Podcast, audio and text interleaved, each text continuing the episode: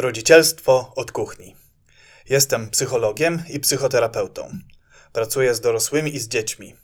Będę mówił i rozmawiał o rodzicielstwie, o byciu rodzicem, o różnych sytuacjach, sprawach, problemach, kwestiach i o tym, co zrobić, by zadbać o relacje z dzieckiem, by wesprzeć je w rozwoju.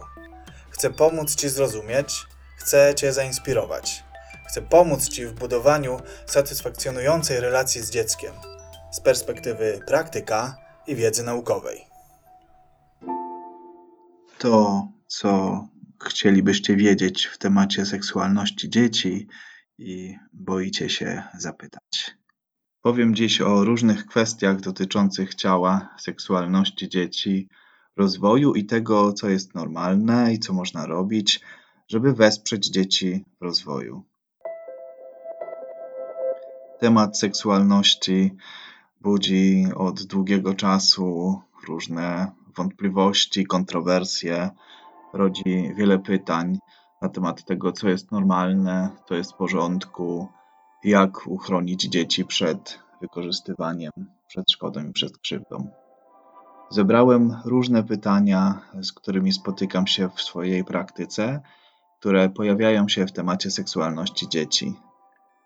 Będę przytaczał te pytania, a potem zaproponuję coś, powiem, co można robić i w jaki sposób się zachowywać. To zapraszam.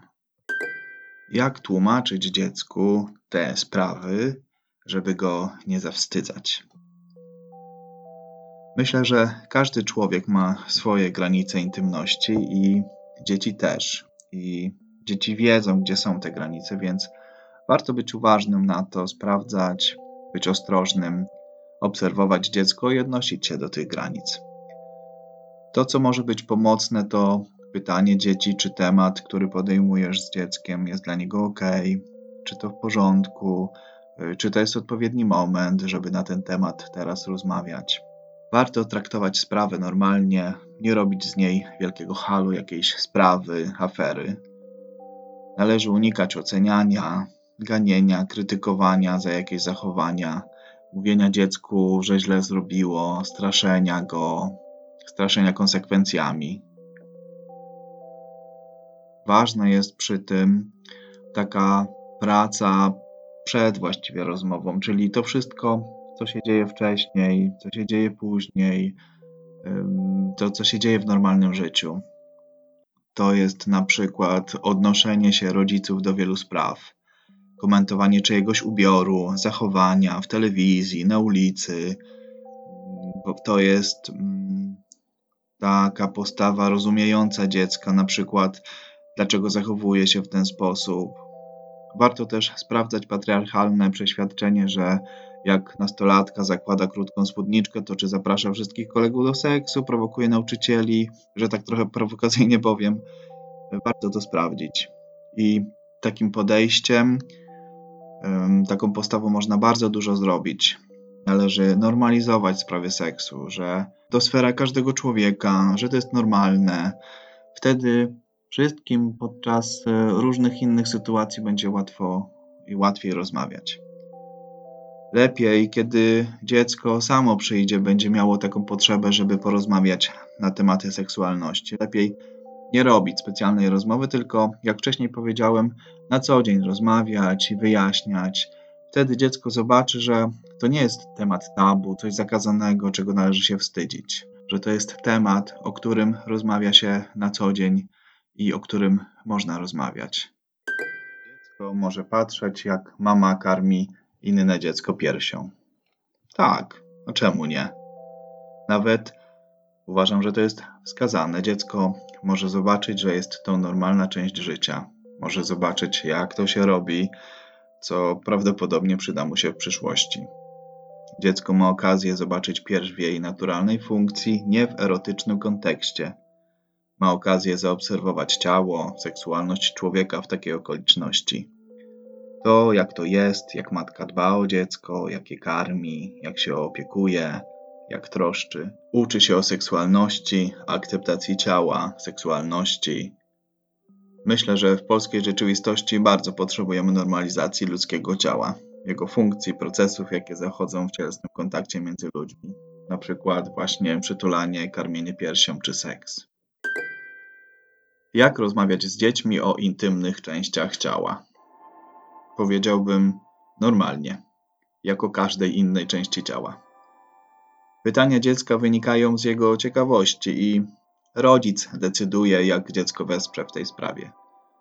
Dla każdego zakres intymności jest inny, więc rodzic, uwzględniając to, co może wybrać, w jaki sposób to dziecku wytłumaczy, jak zobrazuje, i tłumaczy dziecku, pokazuje na zdjęciach, na rysunkach, sam narysuje, albo odwoła się do tego, co dziecko podczas wspólnej kąpieli widziało. Podążać za dzieckiem w tym temacie. To ważne, żeby używać odpowiedniego języka. Myślę, że mówić nie więcej, tylko mniej. Podążać za dzieckiem i patrzeć, e, słuchać, czy dziecko zrozumiało, czy dziecko potrzebuje e, większej ilości wyjaśnień, bo prawdopodobnie już zaspokoiło swoją ciekawość. Inną ważną kwestią jest y, wprowadzanie kultury intymności w domu. To jest y, tego, co pokazujemy dzieciom, a co nie. Y, w jaki sposób mówimy o intymnych częściach ciała. Czy chodzimy, mm, nie wiem, rozebrani, mm, czy pokazujemy części ciała. Warto podążać za dzieckiem podczas rozmów na temat intymnych części ciała w taki sposób, żeby go obserwować, słuchać, co mówi, mm, czego potrzebuje. Należy używać jego języka, takiego zrozumiałego dla niego i patrzeć na to też, czy, czy już więcej nie potrzebuje jakichś informacji, bo być może zaspokoiło swoją ciekawość.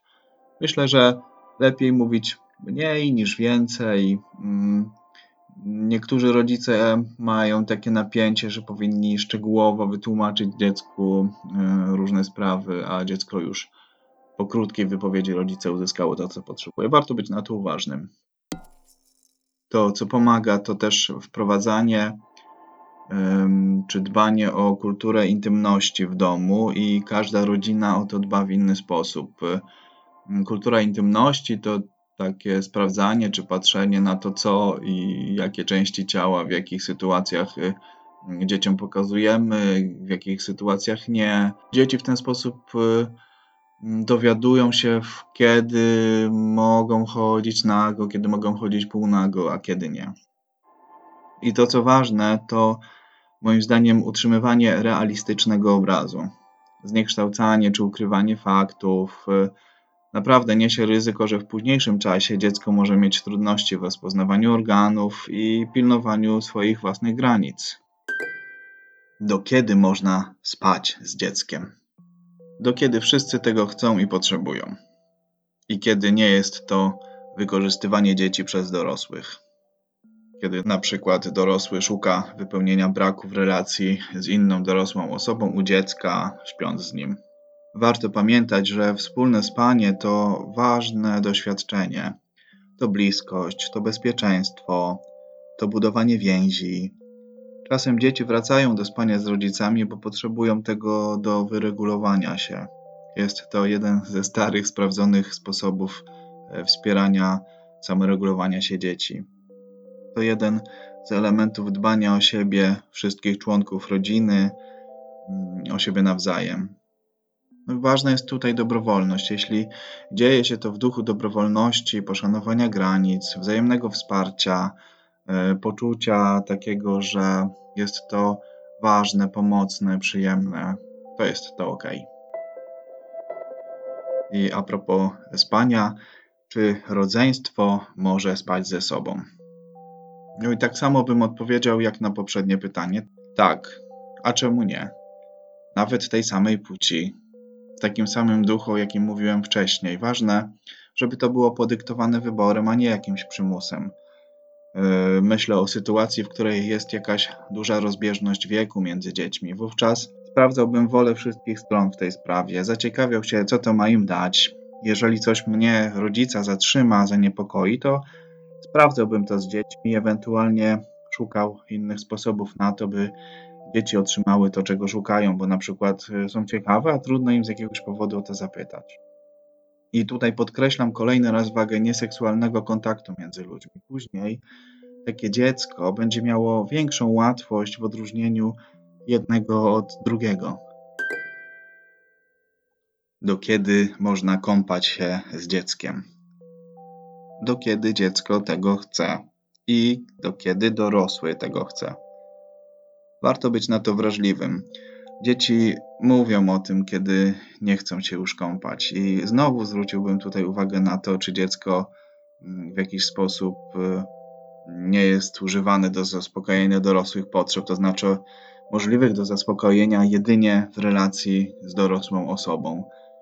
Pomyślałem, że warto też y, zobaczyć, czy dziecko tego wciąż chce i potrzebuje. Jeżeli mm, dziecko chce takiej kąpieli, to zobaczyłbym, co za tym stoi.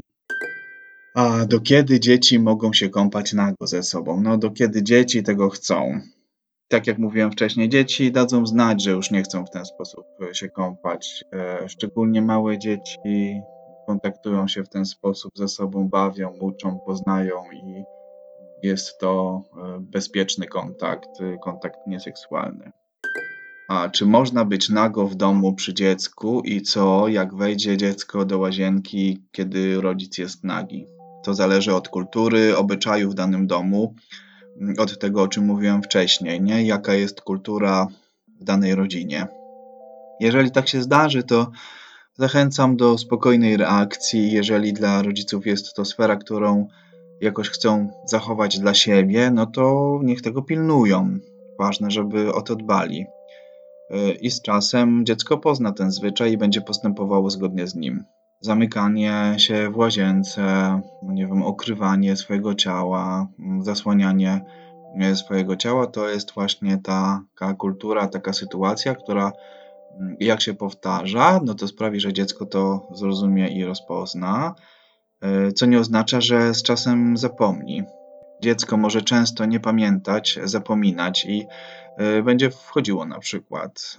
Wówczas można z dzieckiem porozmawiać, czego ono potrzebuje i poszukać takiego sposobu zaspokojenia, który też będzie mm, ok dla dorosłego.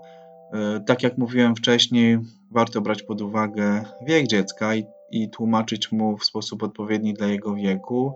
No i brać pod uwagę to, że mm, część rzeczy ono łatwiej zrozumie, a część trudniej. I będzie potrzebowało właśnie czasu, obserwacji, y, nauczenia się. Czy dziecko może chodzić nago w domu? Może. Nie robiłbym wokół tego jakiegoś specjalnego napięcia i zastanawiania się, ponieważ e, szczególnie małe dziecko, które chodzi po domu, to to jest taka sytuacja, że to jest ok, że to jest e, rozwojowe.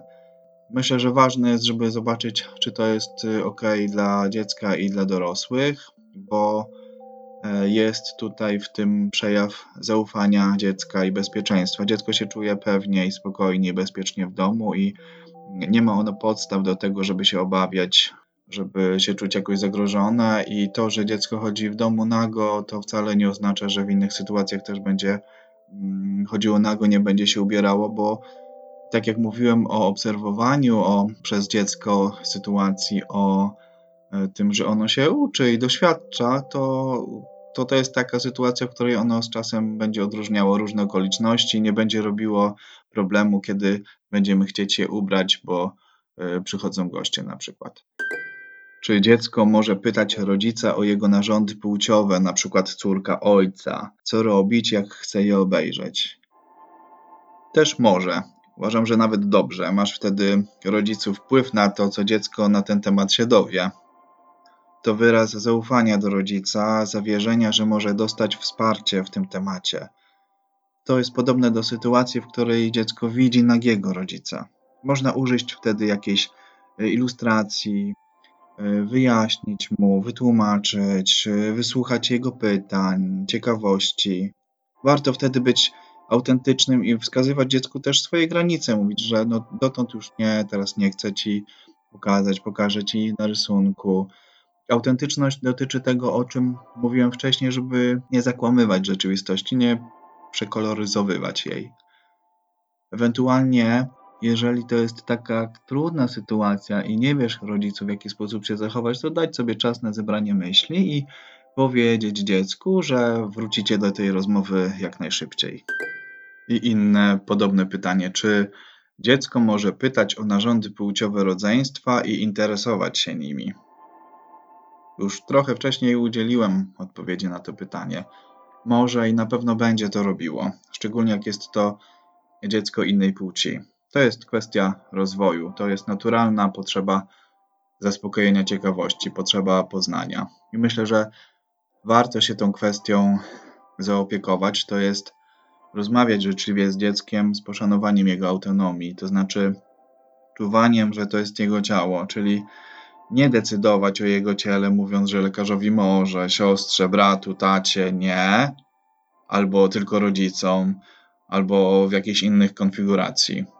Zostawiłbym tu dziecku swobodę, ponieważ ciekawość ciała ludzkiego jest normalną rzeczą i to, co ty, rodzicu, możesz zrobić, to być uważny, wrażliwy, mm, rozmawiać z dzieckiem na ten temat właśnie z odpowiednią pauzą i zostawić decyzję dziecku. To, na co zwróciłbym jakąś większą uwagę, to różnice, na różnicę wieku między rodzeństwem, to o czym mówiłem wcześniej, i zbyt dużą zainteresowałbym się mm, w taki sposób, jak mówiłem to wcześniej, obejrzał sytuację z dziećmi, poszukał takiej metody zaspokojenia potrzeb dzieci, która nikogo nie będzie w żaden sposób e, naruszała. Czy rodzic przeciwnej płci może pielęgnować dziecko? Jeżeli tak, to do kiedy? Oczywiście, że może, do kiedy dziecko chce tak jak mówiłem wcześniej, w podobnych sprawach dotyczących kontaktu cielesnego. Wyobrażam sobie też sytuację, kiedy starsze dziecko tego wymaga, na przykład ze względu na swoją zdiagnozowaną niepełnosprawność ruchową albo uraz fizyczny, złamana ręka w gipsie. No i wreszcie są takie sytuacje życiowe, w których rodzic tej samej płci mm, jest w pracy albo z innego ważnego powodu nie może zająć się dzieckiem i wtedy warto pomagać dzieciom w samodzielności w tej sprawie, no bo ta umiejętność przyda się im w przyszłości, ale wtedy też wcześniej dorosły pomaga dziecku i przygotowuje go do tej samodzielności. Taka myśl na koniec dzisiejszego podcastu przyszła mi do głowy. Zostawmy dzieci. Jeżeli będziemy je wspierać w słuchaniu siebie, swoich potrzeb, wspierać jak dziecko słucha swojego ciała, jak nie będziemy ukrywać seksualności ciała, to dzieci odróżnią ciekawość od przekraczania granic, odróżnią mm, kontakt y, seksualny od y, kontaktu nieseksualnego. Zachęcam do tego. O tym, co zrobić, jak dziecko wejdzie w trakcie seksu rodziców, i o masturbacji, i o innych ciekawych rzeczach w kolejnej części QA seksualnie. A jeśli masz pytania, napisz je do mnie na adres mailowy proces@proces.net.pl albo na fanpage'u facebookowym Instytutu Proces, gdzie znajdziesz informacje na temat pomocy psychologicznej, a także na temat szeroko rozumianego rodzicielstwa. Zapraszam.